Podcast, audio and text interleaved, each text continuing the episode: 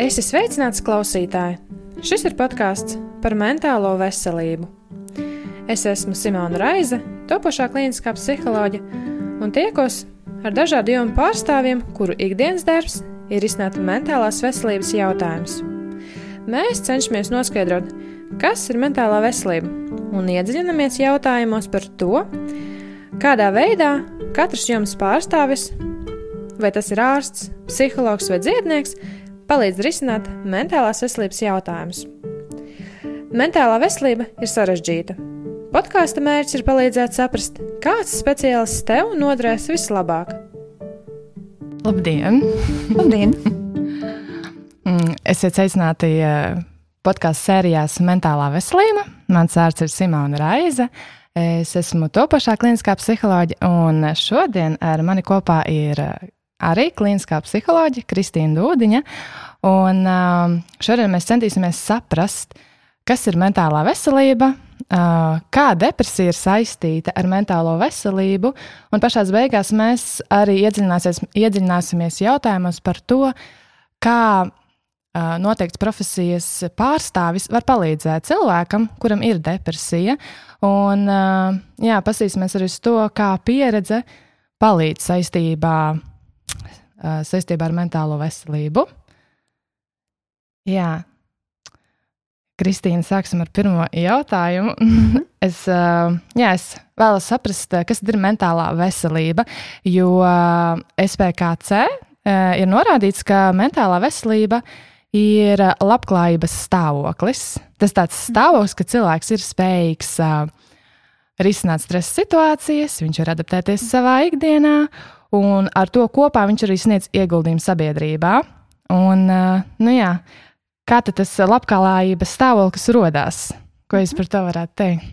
Nu, sakot, jau runāt par eh, šīm definīcijām, jā. Slimību profilaks un kontrolas centrs balstās Pasaules veselības organizācijas definīciju par veselību, kas ietver tātad, tādu pilnīgu fiziskas, um, psihiskas un garīgas veselības stāvokli. Vienlaikus runājot par šīm psihiskās veselības definīcijām, tiek akcentēts ka neviens cilvēks nevar būt kā, sasniegt šo stāvokli. Ja? Tad mēs runājam par šo ideālo stāvokli, bet līdzīgi tāpat kā fiziskās veselības jomā, nu, mēs neviens neesam simtprocentīgi perfekti vesels. Ja? Tieši mm. tāpat arī psihiskās veselības jomā uh, ir varbūt arī svarīgi ne, neievarot tādus nerealistiskus ideālus. Jo dažas no psihiskās veselības, daži no psihiskās veselības traucējumiem ir, var rasties Tāpēc, ka mēs nespējam pieņemt uh, kādus nepatīkamus stāvokļus, uh, kas arī ir īstenībā daļa no psihiskās veselības. Piemēram, dažādas krīzes, sērošanu, varbūt arī tādus, nu, teiksim, vieglus depresīvus stāvokļus pēc kāda grūtāka, stresa pilna perioda. Un tad, mm. ja mēs ļoti sabīstamies no tā, kas ar mums notiek, tad tas rada atkal, nu, uzliek tā kā tam virsū to trauksmes, tādu filtru. Un mēs sākam cīnīties pret kaut ko, kas iespējams ir daļa no normālas cilvēka pieredzes, un tādā veidā mēs neļaujam sev um, atrisināt šo pieredzi, neļaujam šai pieredzei iet cauri normālā veidā un kādreiz beigties. Ja? Tā tad um, tas nav tik viennozīmīgi par šo psihisko veselību. Mm -hmm. Jā, un tā kā tiek lietots arī gan psihiskā veselība, gan arī mm -hmm. garīgā veselība, mm -hmm. gan arī mentālā veselība. Un, vai šie visi termini tas ir viens tas pats? Tas saistīts ar to, ka mēs bieži tulkojam no angļu valodas, kur ir mental health. Mm. Un tad jautājums, kas būtu tas tuvākais tulkojums latviešu valodā, un katrs tad drusku to pa savam pagriež. Bet, principā, mēs runājam par vienu to pašu. Jā, par, jā. Nu, visbiežāk mēs runājam par psihisko veselību latviešu valodā. Mm, jā. Man šķiet, ka tomēr tā kā. Ja mēs dzirdam garīgā veselība, tas tomēr vairāk saistīts ar tādu tā kā dioticību un vairāk jā. reliģiju. Jā, jā nu, tā, tāda asociācija arī man būtu, bet nu, droši vien tas tāds lingvistisks tiešām jautājums, kur ar daudziem terminiem psihiskās veselības jomā ir tā grūtība, ka mēs nevaram viņu tieši pārtulkot latviešu valodā. Mm. Uh, Nu, un tad dažādi cilvēki izmanto dažādas vārdus, piemēram, mobbings, vai bulings, vai vardarbība. Ja, principā runājot par vienu to pašu fenomenu. Mm, jā. Tāds ir. Un um, saistībā ar mentālo veselību, kā jūs minējāt, uh, tā tas tāds labklājības stāvoklis, kur īstenībā nekad nevar sasniegt, jo nav īsti skaidrs, kur tas, uh, īstais uh, gala punkts.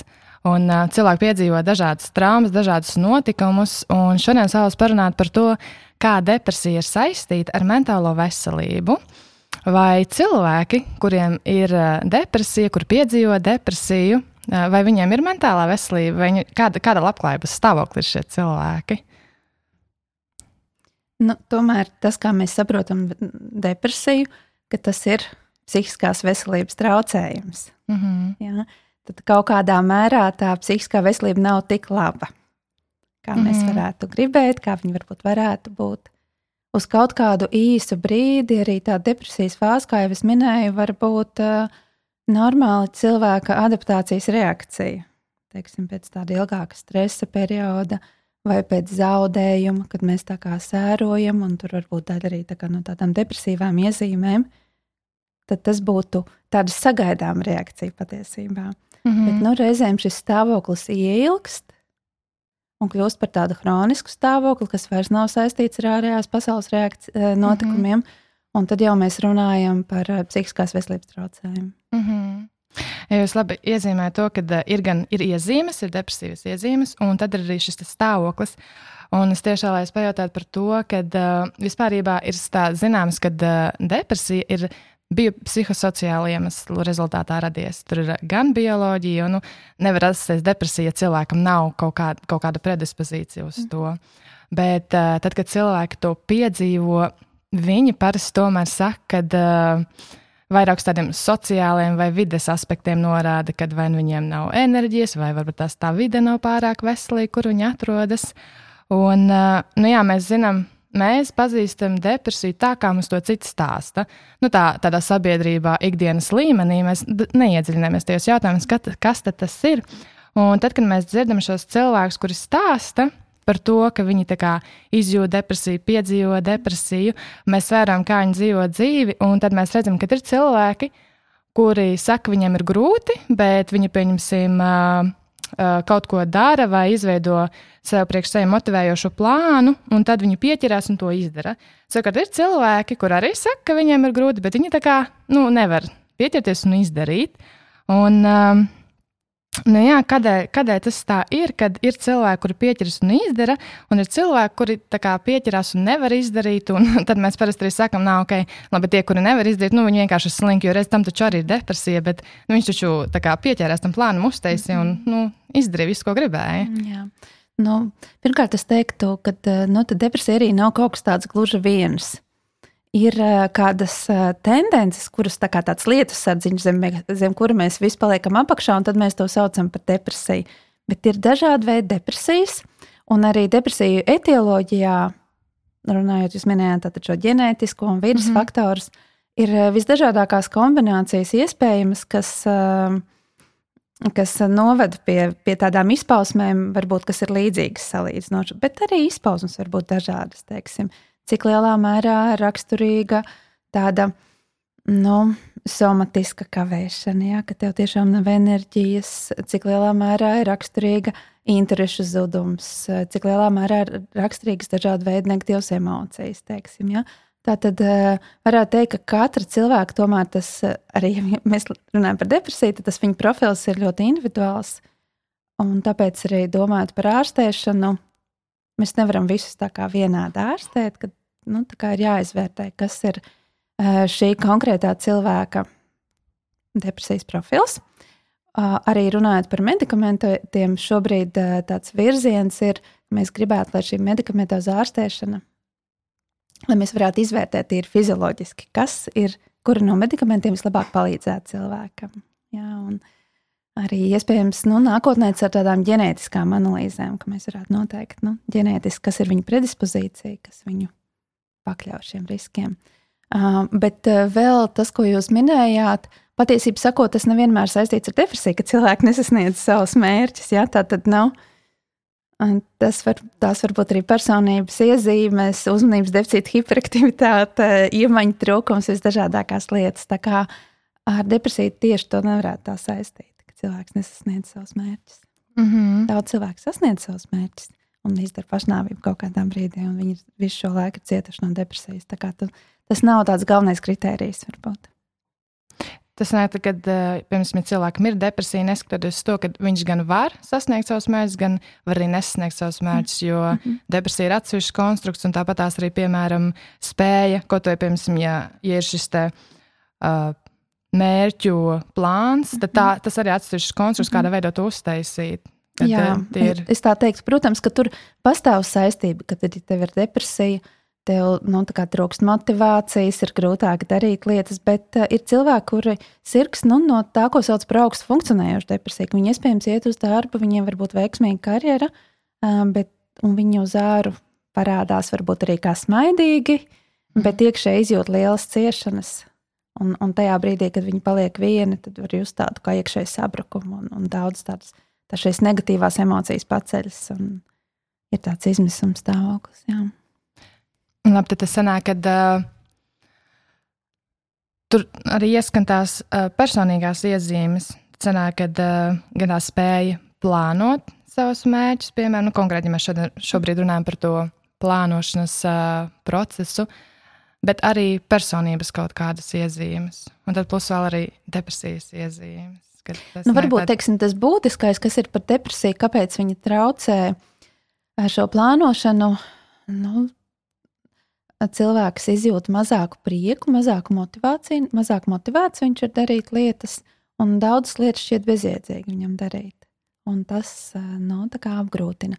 Arī vadība procesa cilvēkiem pie depresijas bieži ir traucēta, un vadība procesa nozīmē spēja plānot mm, un īstenot savus mērķus.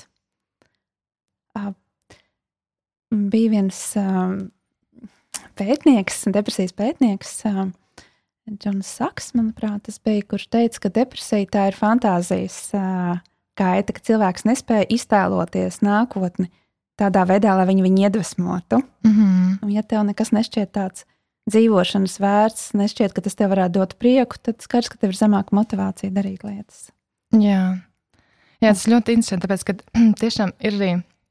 Es domāju, ka var tās jūs, nu, nu, nu, jūs strādājat ar cilvēkiem, kuriem ir depresija, bet varbūt tās privātajā dzīvē arī nācies satikt tādus cilvēkus, kuri pēc dabas viņi ir tādi nomākti, viņi ir tādi noguruši, un viņiem pastāsta kādu jauku notikumu, bet viņš paspēja tev iemest iekšā, ka tur bija kaut kas negatīvs. Un šie cilvēki kopumā ir labi adaptējušies savā ikdienā, viņi strādā, viņiem arī ir iespējams attiecības, nu, viņiem noteikti ir attiecības, un, bet, nu, pēc dabas viņi ir tādi negatīvi, un tad cilvēki, kuri ir apkārt, parasti ir pēdējie ģimenes locekļi, kur ir palikuši, jo grūti tā, ar tādu cilvēku būt kopā. Viņi cenšas kā, nu, viņu aizsūtīt, ka jāiet pie speciālista, ka viņam jātiek galā ar to depresiju. Mhm. Um, kas, kas ir ar šiem cilvēkiem? Vai varētu būt, ka viņi tiešām dzīvo visu dzīvi ar depresiju vai tomēr? Jā, nu, psihiskā veselība, psihiskās veselības jomā vispār tā, ka līdzīgām, aiz līdzīgām izpausmēm var būt ļoti dažādi cēloņi. Tāpēc tā vispārīgi es nevarētu pateikt, šajā grupā, ko jūs aprakstāt, varētu būt varētu būt kaut kāda daļa cilvēku, kuriem ir depresija. Tomēr vairāk tas izklausās pēc tādām personības iezīmēm, kur viņu tā kā tās temperamenta iezīmes, kas ir varbūt tāda augstāka negativitāte, um, grūtības izjust pozitīvas emocijas, ir kombinējušās ar viņu dzīves pieredzi, viņi izveidojuši tādu veidu, kā viņi uztver realitāti, bet paši tīri labi spēja ar to sadzīvot nu, tad mēs tomēr nerunātu par depresiju. Depresija ir, ka, ja cilvēks ir nu, bijis salīdzinoši nu, teiksim, priecīgs, vai nu, viņš, mm. viņš ir mm. funkcionējis vienā veidā, un tad viņa pašsajūta ir pasliktinājusies. Ja? Nu, tad mēs varam teikt, ka, ka tā ir psihiska saslimšana, nevis personības iezīme, kas ir nu, cilvēkam visu laiku kaut kas, kas raksturīgs, mm. no tāds noturīgs. Jā. Protams, ka ar, gan ar vienu, gan ar otru var strādāt terapijā. Teiksim, ar personības iezīmēm, ja cilvēks ir motivēts, viņš arī var strādāt. Tas varbūt prasīs ilgāku laiku un savādāku veidu darbu, mm -hmm. bet uh, tas nenozīmē, ka neko tur nevar mainīt. Mm -hmm. Labi, tagad uh, drusku panāsim, jūs jau pieminējāt iepriekš, kad uh, cilvēki, kuriem ir depresija, kad viņiem ir tendence izdarīt pašnāvību. Un uh, tad, kad strādā ar cilvēkiem, kuriem ir depresija, tad uh, ir tāda filozofija, uh, kad eh, jūs arī minējāt, eh, ļoti labi izklausījās tas, ka eh, tā drusku tāda cilvēkam ilūzijas trūkums par savu nākotni, kad viņš nevar kā, izveidot to skaisto domu, uz ko tiekties. Un, um, Un šīs domas par pašnāvību šiem cilvēkiem ir kā tāds rīks, ar kura palīdzību viņi, kā, viņiem paliek vieglāk, jo tā, tā doma palīdz uh, tikt vaļā no šīm problēmām un situācijām. Bet tā galvenā problēma ir tāda, ka šie cilvēki arī izdara pašnāvību.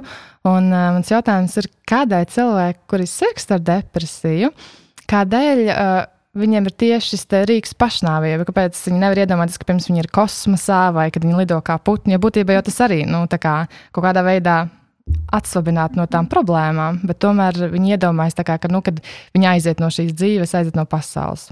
Mm -hmm. Jā, nu, pa putnu tur nevar kļūt, vai ne? Pašnāvība tas ir kaut kas reāls, ko tu vari izdarīt, kā tu vari kontrolēt situāciju. Uh, Bet pirmkārt, es negribētu pašnāvību tieši saistīt ar depresiju. Nevienmēr cilvēki, kas izdara pašnāvību, cieši no depresijas. Protams, kad starp cilvēkiem ar depresiju ir augstāks procents nekā vispār populācijā cilvēku, kas varētu šo depresiju izdarīt, bet, bet arī katrs no šiem fenomeniem, gan depresija, gan pašnāvība, pastāv pats par sevi. Mm -hmm. Bieži vien to izdara cilvēki, kuriem nav depresija, kuriem ir varbūt ļoti augsta trauksme vai neapmierinātība ar kādām lietām, vai tāda impulsivitāte tieši un viņa emociju uzplūdā to var izdarīt. Tur ir ļoti, ļoti dažādi scenāriji, kā cilvēki nonāk līdz tam.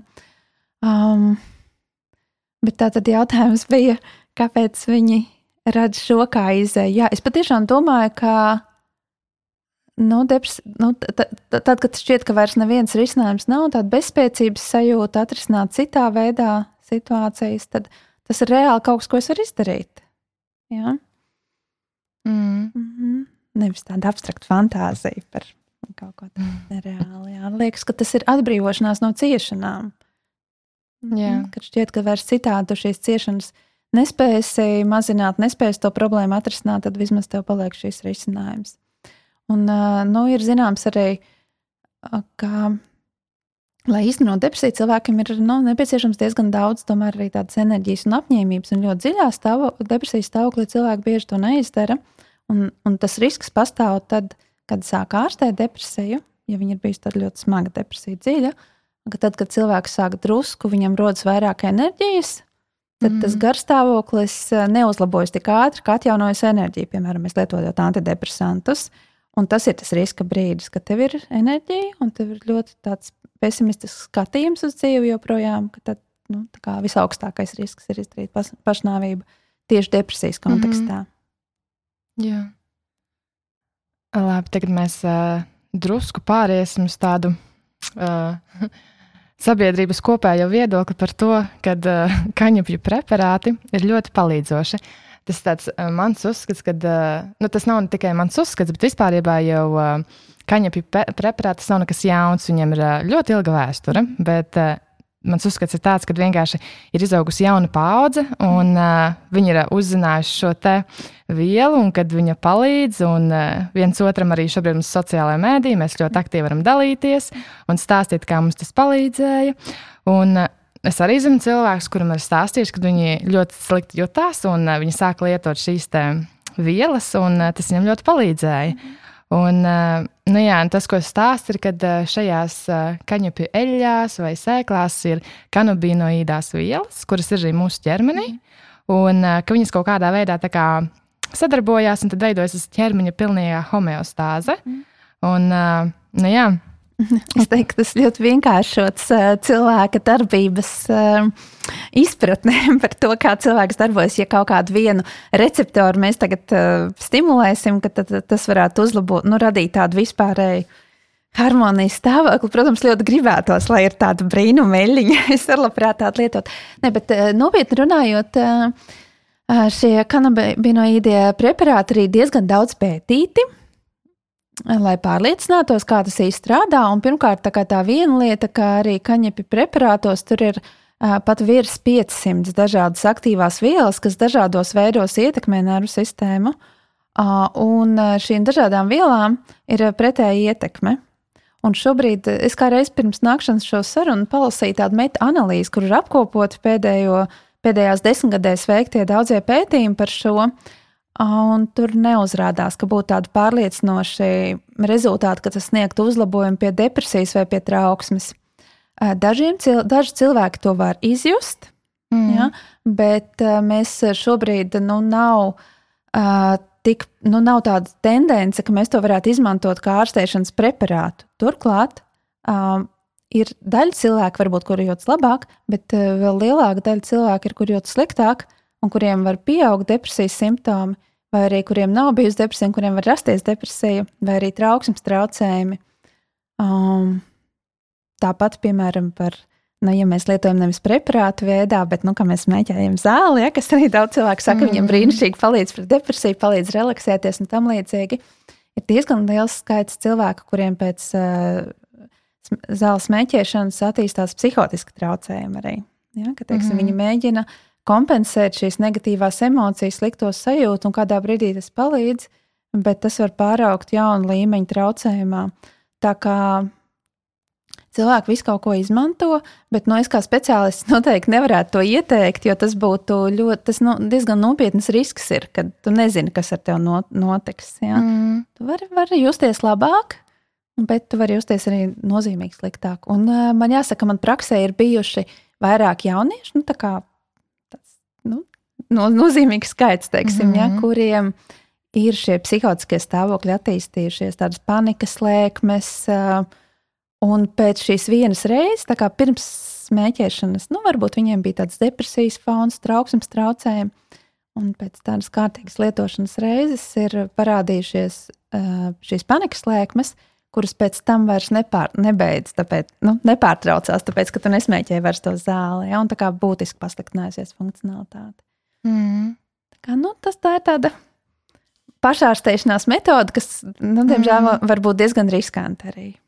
Jā. Cilvēkiem ar veselīgu psihi tas ir savādāk. Ja? Tur tie riski nav tik augsti, bet cilvēkiem ar psihiskās veselības traucējumiem tas ir diezgan riskanti. Jā, jā. Kā jūs domājat par to, kad, kādā veidā varētu tās šī te, kā eļļu lietošana, un kad nu, kā, nevar apšaubīt to, ka, ja cilvēks ir bijis tādā nomāktības stāvoklī, un tad viņš tiešām sāk darīt lietas, nu, nevar pateikt, ka nu, nav kaut kas palīdzējis. Nu, acīm redzot, mm -hmm. kaut kas ir palīdzējis, vai tā bija tā viela vai nē. Bet nu, ļoti bieži arī tiek runāts par šo placebo efektu. Vai tādu nu jā, maģisko domāšanu. Uh, varbūt. Cilvēkiem palīdz tas, ka viņi sāk kaut ko darīt savā labā. Vienalga, kas tas būtu. Jo viena no efektīvākajām metodēm, ko pie depresijas kā pirmo sāk lietot, ir uzvedības aktivācija. Uh, Mhm, cilvēkiem depresijā ir sajūta, ka viņiem nav jēga neko priekš sevis darīt, jo tāpat tas man nesagādās prieku. No, ar draugiem nav jēga satikties, mazgāties nav jēga, ēst normāli nav jēgas. Bet nu, terapijas procesā tas pirmais solis, ka mēs nu, atrodam veidu, kā tas cilvēks var dot tomēr iespēju un sāk darīt priekš sevis labas lietas, bez tādas expectācijas, ka tūlīt būs milzīga laimes sajūta, kas atnāks. Un tiklīdz cilvēks sāk darīt kādas lietas, viņš maz pa maziem solīšiem, viņa nervu sistēma saņem jaunu stimulāciju, un viņš sāk justies drusku labāk. Un tad es mm. teiktu, ka varbūt tā eļļas lietošana ir tas, ka es kaut ko daru priekš sevis, un tas ir varbūt tas pirmais solīts. Es sajūtos drusku labāk par to, ka es kaut ko esmu izdarījis, Un tad es izdaru varbūt vēl kaut ko. Es aiz priekiem, ka man drusku labāk piezvan draugiem, aizēju satiekos ar viņiem. Mm. Un tad es esmu fiziski izkustējies, es saticies ar draugiem, jūtos vēl labāk. Jā, tad es varu varbūt, nu, nezinu, vēl kaut ko izdarīt tādu. Ja? Mm -hmm. Un tad, jo, jo pie depresijas svarīgi, ka mēs apturam to lejupējušo spirāli. Cilvēks jūtas slikti, viņam neko negribas, viņš neko nedara. Jo mazāk viņš dara, jo lielāk, nomāktāks viņš jūtās, jo viņam nu, nekā dzīvē vairs nav mm. kas viņam varētu iepriecināt, un arī viņš nesaņem šo stimulāciju un jūtas ar vien sliktāk un sliktāk. Un tā, mm. ja? Jā. Un mēs vismaz gribam apturēt to spirāli, un lai viņa sāk iet pretējā virzienā. Tas nevienmēr nozīmē, ka tas atrisinās visas problēmas, jo iespējams, ka tur ir bijuši, bijusi kāda trauma mm. vai nu, vēl kādi citi faktori, kāpēc tā depresija vispār sākotnēji ir attīstījusies. Bet šis elements ir būtiska daļa no jebkuras depresijas terapijas. Mm -hmm. Bet tad jau sanāk, ka uh, tomēr, tomēr būtu diezgan uh, tas tāds, nu, varbūt tās. Um, ne tā aktīvi reklamēt, bet tomēr ieteikt cilvēkam, ja, ja viņi nevar apņemties un iet pie speciālista, tad varbūt tās nu, kaut ko palietot. Jo izklausās, ka, nu, ja viņi kaut ko sāks darīt, galvenais vajag, lai viņi sāktu darīt. Mm -hmm. Un tas tā kā palīdz. Mm -hmm. Nu, varbūt tas, ko es varētu ieteikt, es neteiktu sākt ar kanabinoīdiem preparātiem noteikti, ne, jo tur patiešām ir tas risks, ka, mm. ka tas efekts var būt pilnīgi pretējs. Uh, it īpaši, ja cilvēkam ir tā expectācija, nu, teiksim, viens no tiem riskiem ir, ka cilvēks kaut ko pamēģina, viņš gaida, ka viņš jutīsies labāk, bet nu, nav tās brīnuma līdzekļi visbiežāk. Un, kad tu pamani, ka tas nepalīdz, tas tev iegrūž vēl tādā dziļākā bezcerības stāvoklī. Liekas, nu, pat mans kanabinoīda preparāts man nevar glābt. Ja? Nu, tad vispār nekādas jēgas nekam nav. Nu, es tagad ironizēju, protams, mm bet nu, tāds tas process ir. Ja? Kad, um, Tā kā, nu, varbūt, ja ir tādi nu, salīdzinoši viegli depresijas eh, stāvokļi, un cilvēks vēl nav gatavs, varbūt uzreiz tā iet pie speciālista, viņš grib pats kaut ko pamēģināt, tad es ieteiktu, nu, ir tās četras lietas, tomēr pamatlietas, ja, kas ir uh, miegs, pārtika, mm. fiziskas aktivitātes, ja, um, un uh, arī sociāla aktivitāte. Un varbūt dot sev, piemēram, divas nedēļas, kuru laikā bez tādas expectācijas, ka es jutīšos labi tagad, tikai tāpēc, ka es to sakārtošu, bet eh, nu, ar tādu attieksmi, ok, mans ķermenis šobrīd uh, ir iztukšots, viņš nespēja justies labi. Ja, bet es došu viņam visas tās labākās lietas, ko es varu, ko es zinu, kas viņam nāk pa labu.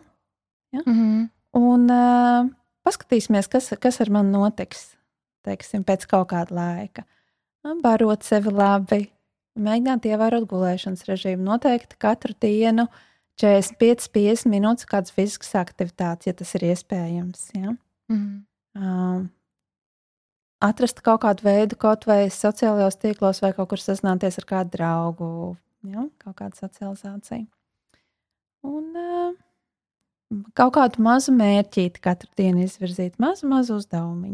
Un katra šī aktivitāte uh, viņa īsnībā arī kalpo kā antidepresants. Piemēram, nu, ir pētījumi, kas parāda, ka šīs 45-50 minūšu fizika, fizika aktivitāte ir viena antidepresanta deva. Mm -hmm. ja, tā kā es sāktu ar šīm lietām, ja vien tas ir iespējams cilvēkam pašam. Mm -hmm. ja, un, um, un paskatīties eksperimentu veidā un salīdzināt, vai es jūtos tieši tāpat, vai es jūtos varbūt nu, pa, pa vienu procentu labāk, vai es jūtos pa vienu procentu sliktāk, uz kuru pusi tas iet. Mm. Visbiežāk, ja cilvēks jūtas tomēr drusku labāk. Varbūt ne visiem simt procentiem uzreiz, bet um, jā. jā. Ļoti labs ieteikums. Jā, tā kā divas nedēļas drusku pāreksperimentēt, paskatīties, mm -hmm. pašam sevi tā kā pavērot no malas, izmantot savu metakognīciju. Jā. Jā. Un tādu, nu, tā kā neviena ārstēšana, nu, mēs sākam lietot arī kādas zāles, nu, nekas jau nepalīdz tā kā uzreiz tev. Mm. Bet mēs dodam nu, visu to labāko savam ķermenim, ļaujam gan atpūsties, gan aktivizēties. Tā kā dabiskā veidā šos neiromediātorus stimulējam viņu izdalīšanos, lai ķermenis pierod, ka viņam ir šī pieredze. Mm. Un tad paskatāmies, vai viņš var kaut kādā mērā atgūties pats un sākt tos uh, nu, izdalīt tādā harmoniskākā veidā kā tas nepieciešams pašsajūtai, vai tomēr nē, un ir nepieciešama speciālista palīdzība.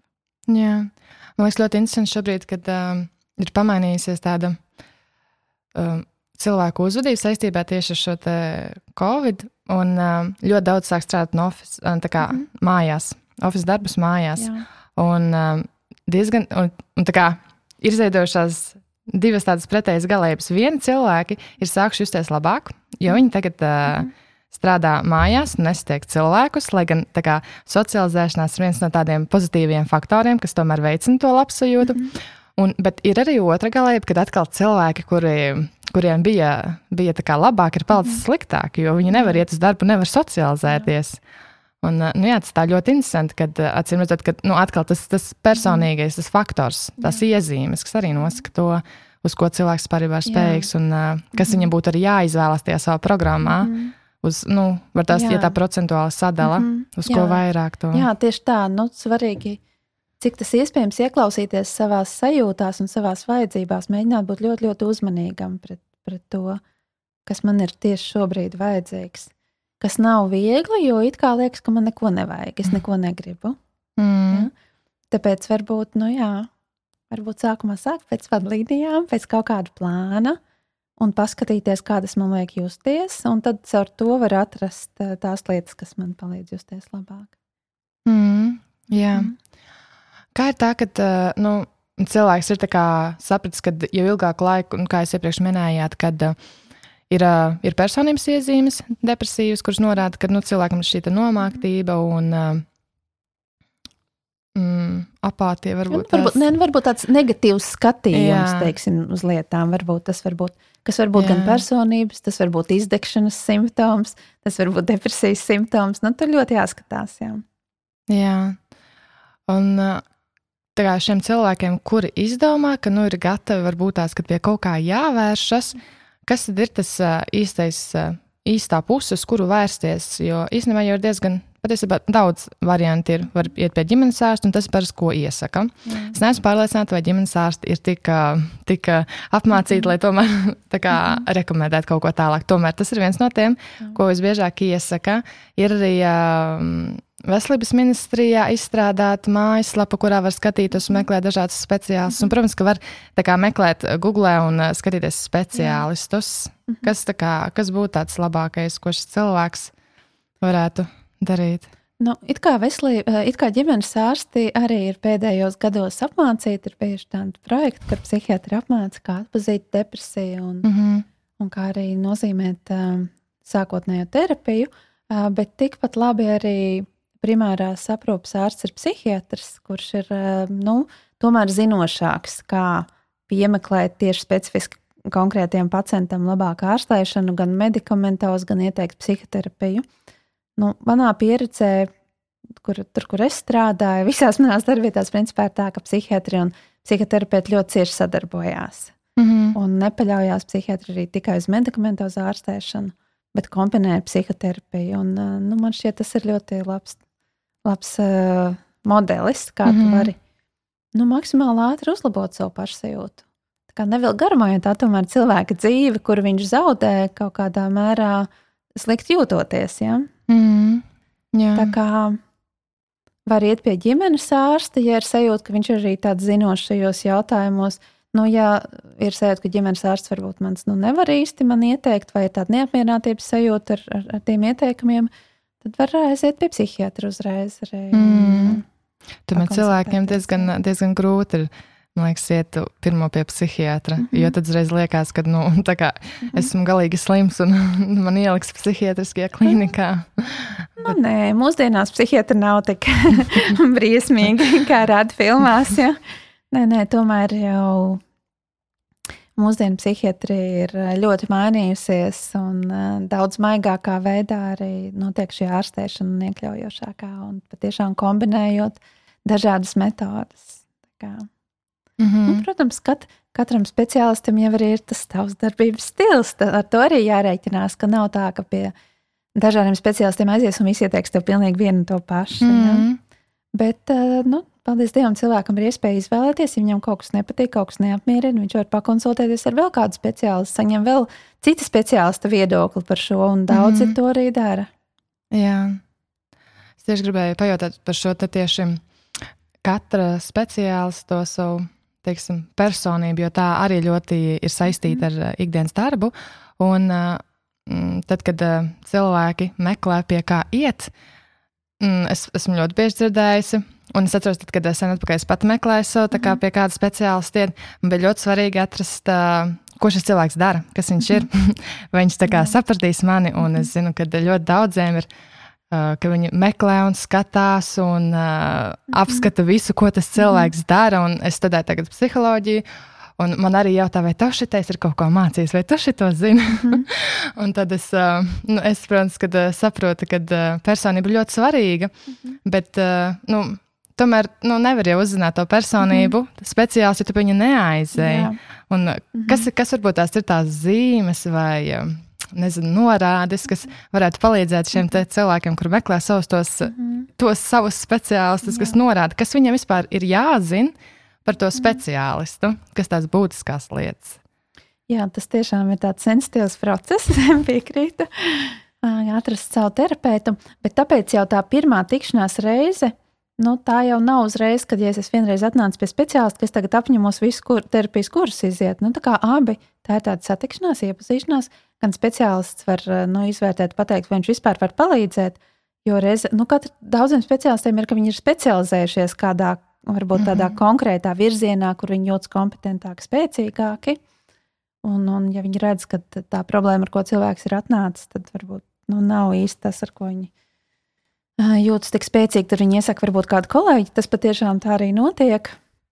Par to, kā atrast informāciju.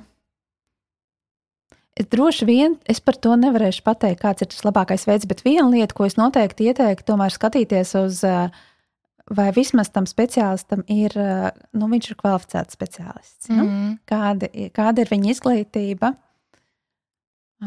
Jo ir ļoti daudz cilvēki, kuri paši ir atrisinājuši savas dzīves grūtības, un nu, ir tāda pārliecība, ka tas mans ceļš tas ir tas vienīgais pareizais, un, un tad viņi reklamē arī savus pakalpojumus. Bet nu, mūsu personīgā pieredze nevar būt vienīgais kriterijs, ar kur palīdzēt citiem. Tomēr nu, ir ļoti daudz dažādi faktori, kas jāņem vērā, kuru izglītības procesā mēs arī apgūstam dažādas šīs pieejas un, un, un, un plašāku tādu skatījumu.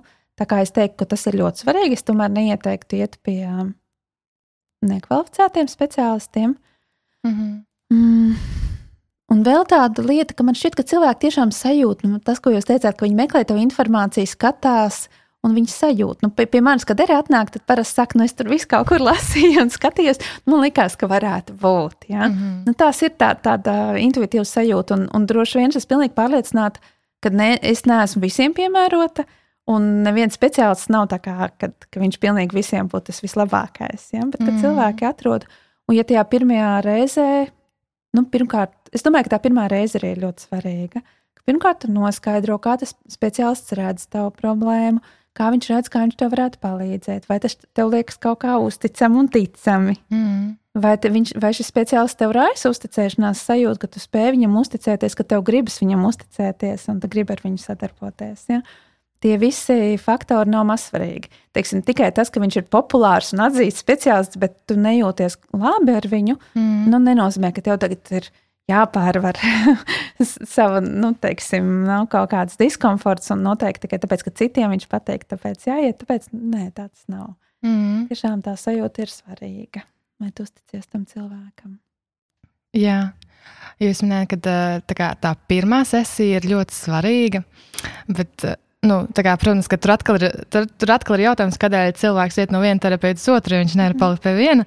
Bet, um, arī, ja piemēram cilvēks aiziet pie, šī viena terapeita, un viņš uh, tomēr katru reizi viņam ir jāstāsta tā viena tā sava situācija. Mm -hmm. Tas arī varbūt. Viņš aiziet pie jauna terapeita. Nu, jā, tam, jā. Viņš tikko bija pie viena terapeita, un tad viņš jā. saprot, nē, šitais kaut kā nesajūtu, mm -hmm. un tad viņš iet pie nākošā, mm -hmm. un tad mhm. atkal ir jāstāsta. Nu, tur ir vairākas lietas. Viens, protams, ir par to sadarību, ka tu tomēr vari izvēlēties, pie kā tu gribi iet. Uh, Cits ir, eh, ka tā var būt arī daļa no tās psiholoģiskās problēmas, kad ir grūti uzticēties, eh, un eh, vai varbūt ir daļai cilvēki, ir, piemēram, ka viņi pēc kāda laika, nu, ka viņiem ir grūti noturēties attiecībās, un terapija tās arī ir attiecības. Un, nu, ir cilvēkiem, kuriem dzīvē ir tā, ka viņi kādu laiku ir attiecībās, tad viņi paliek ļoti neapmierināti un pamatās attiecības. Un tad arī terapijā to var redzēt, ka kādu laiku cilvēks nāk. Un tad sākās tā fāze, kad tā kā pilnīgi nu, liekas, ka jābēg prom no tām attiecībām. Un tad tā daļa no terapeitiskā procesa tomēr būtu izrunāt, kas ar to cilvēku notiek. Nu, es domāju, tad, ja gribās mainīt terapeitu, svarīgi ir nevis neko nesakot, vienkārši aizmukt no viņa prom, mm. bet izrunāt, kas man neapmierina, kas man nepatīk, kā terapeits to redz. Un tā saruna var būt ļoti izšķiroša tam, vai nu mēs nonākam tādā jaunā terapeitiskā fāzē, vai saprotam, ka tiešām labāk mums iet katram savu ceļu. Mm. Jā. Jā.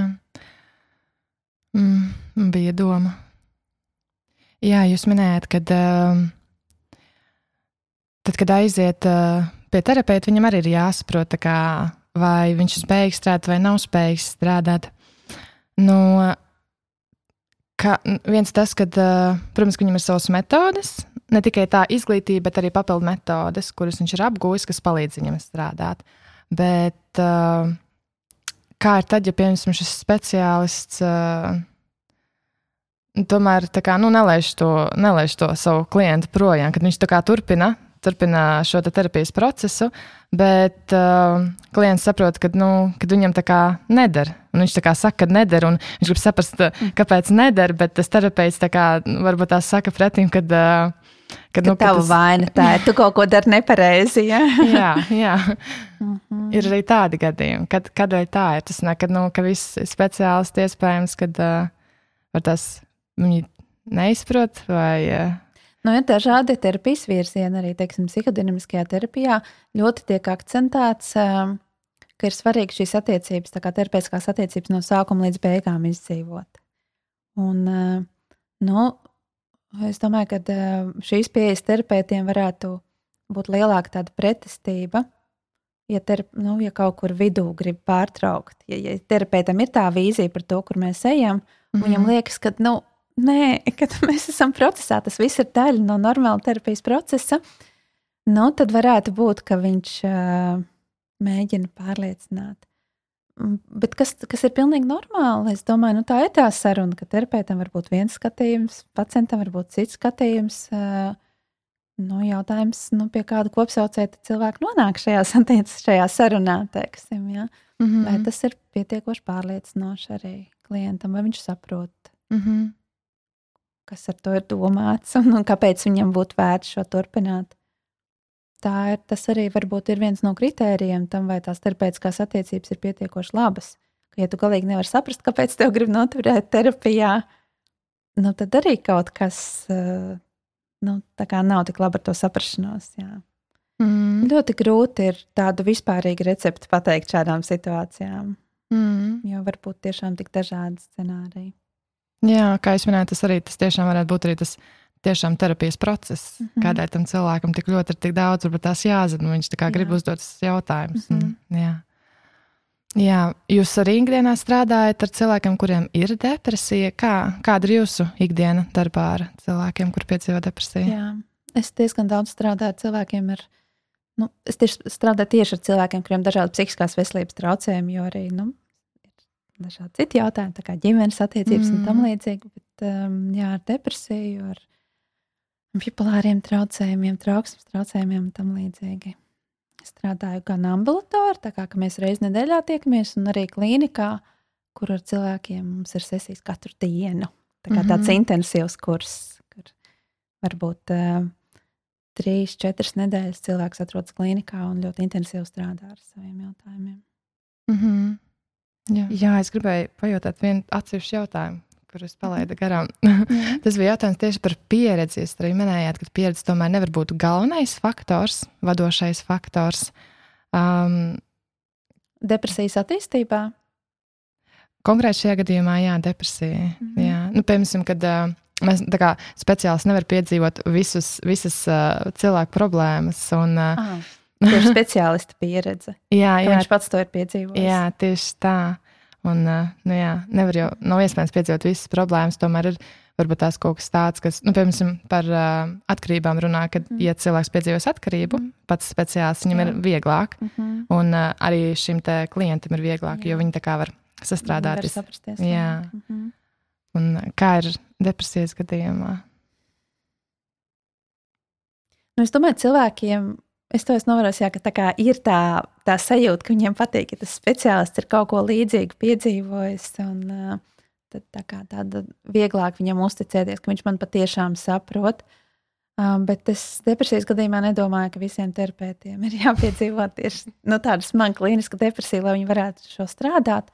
Jo patiesībā depresija nav tik grūti ārstējama saslimšana.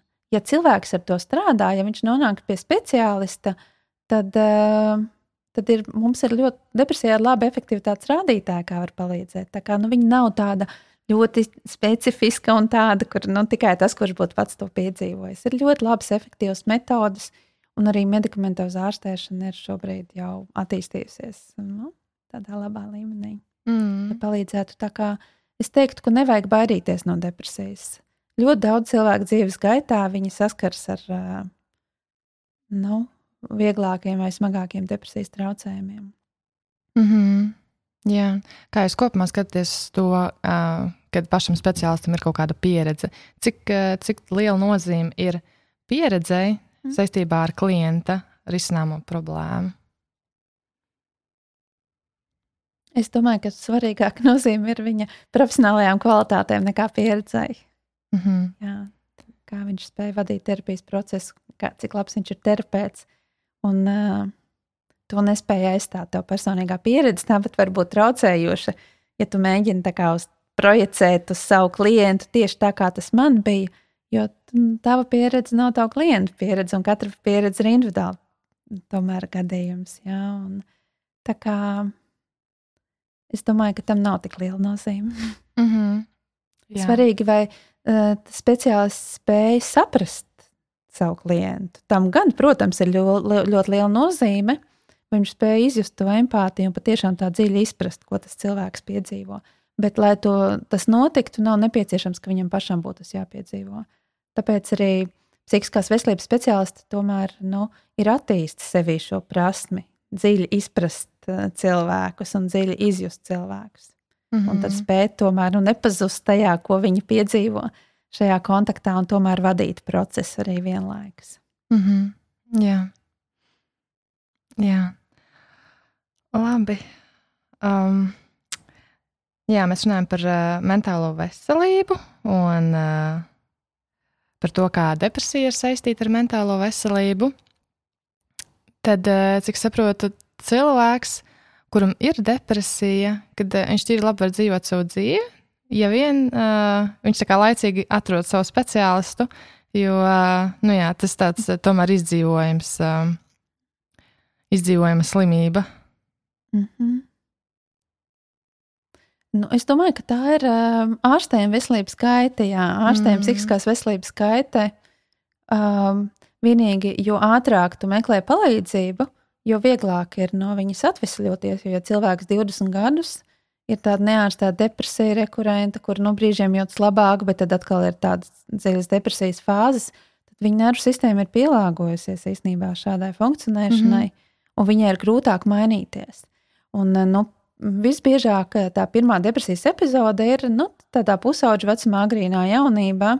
Un eh, arī pētījumi parāda, ja tajā laikā saņem tādu labu profesionālu palīdzību, tad ir diezgan liela iespēja, ka tas var arī neatkārtoties. Mm -hmm. Savukārt, ja visbiežāk tomēr saņem palīdzību pēc kādiem sešiem, septiņiem gadiem, kad tas jau ir nu, kaut kādā ziņā psihi jau ir pieradusi. Nu, tur var iztēloties, ja tur jau veidojas tādi neironu ceļi, neironu, nu, tāds noteikts funkcionēšanas veids. Mm -hmm. ja, tad ja tas prasa lielāku ieguldījumu. Teiksim, pašam cilvēkam vairāk jāpiestrādā, un, lai, lai atkal mainītu to citā virzienā. Tā kā es ieteiktu, nu, negaidīt, nemocīties.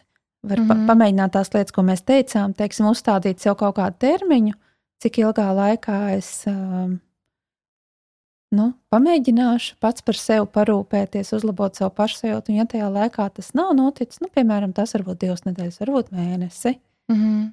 paskatīties, vai man pašsajūta uzlabojas, vai viņa paliek sliktāka. Ja? Un, ja nepalīdz, nu, var aiziet pie speciālista. Un īstenībā pie tādiem viegliem psihiskās veselības traucējumiem reizēm ļoti ātri var palīdzēt. Īstenībā var būt nu, atnākt pat patiesībā dažas reizes un saprast kaut kā to virzienu, kurā mm. iet kaut kā pārstruktūrēties uh, un aiziet atkal uz augšu. Tiec ārā no tās lejupējošās spirāles, kur tavas domas, tā kā tu esi tur pats malies ar savām domām un to visu, un es tā kā pazudis tajā miglā. Ja? Mm. Bet tev var iedot tādu virzienu un, un, un tikt laukā no tā stāvokļa. Tā kā jā. Jā. Un tas labklājības stāvoklis var atjaunoties. jā, relatīvās labklājības stāvoklis, teiksim tā, jā. Jā. Nu, jau, ka mēs esam izrunājuši dažādus jautājumus. Varbūt tas jums nāk kaut kas prātā, ko jūs vēlaties piebilst par mhm. mentālo veselību, par uh, depresijas stāvokli. Jā, nu, tā, tā kā tas mans novērojums patiešām saistīts ar to pirmo tēmu, par ko mēs runājām, par uh, depresiju. Ka cilvēkus biedē dažādas šīs trauksmes pieredzes, depresijas pieredzes, varbūt arī tā tādi panikas stāvokļi, kas atsevišķos brīžos, tā kā ja tas kādu reizi notiek, kas patiesībā nav tik, nekas tik briesmīgs un bīstams, tas varbūt liecina, ka organisma resursi ir izsīkuši. Un man tiešām gribas rosināt cilvēkus, lai, ja viņi jūt, ka viņi jūtas sliktāk, ka viņi nevis sāk baidīties no tā un domāt, ak, Dievs, kas ar mani notiek, vai es jūku mm -hmm. prātā, kas tas ir, un tā kā uzģenerē vēl milzīgu trauksmi, bet uh, vairāk rūpējas par savām vajadzībām, saprot, jā, mans ķermenis ir izsīcis, man šobrīd mm -hmm. ir vajadzīga papildus rūpes par sevi. Ja, tā kā izturas ar tādu pieņemšanu un saudzību pret sevi lielāku. Mm. Un es domāju, ka tad arī tā psihiskā veselība ir labāka. Nevis, ka mēs ignorējam tās signālus no sava ķermeņa, un tad vēl vairāk sevi izcenam, un tad mēs sev šaustam, mm. un nu, tā kā jūtamies ar vien sliktāk. Jā. Jo tas atpakaļiešanas ceļš bieži vien ir caur to, ka mēs sākam cienīt savas vajadzības, savu ķermeņa vajadzības, pieņemt savas jūtas, pieņemt arī savas negatīvās sajūtas, varbūt. Un tādā maigā, saudzīgā veidā izturēties pret sevi tajos brīžos. Mm -hmm. ja? Jā. Un tie, tad, ja mēs to spējam, tad arī mēs sākam justies labāk pēc tam. Tas ir tas, kas mums vajadzīgs. Tas ir tas, ko mūsu ķermenis mums prasa ar šiem dažādiem stāvokļiem. Viņš saka, man ir grūti palīdzēt man. Ja? Mm -hmm. nu, tas varbūt varētu būt tāds viens ieteikums. Jā. Paldies, ļoti kā pažēlot sevi. Pažēlot sevi, saudzīgi ar mīlestību, gādību izturēties pret sevi un pret dažādām savām pieredzēm. Jā, super. Paldies, Kristīne! Paldies par uzaicinājumu.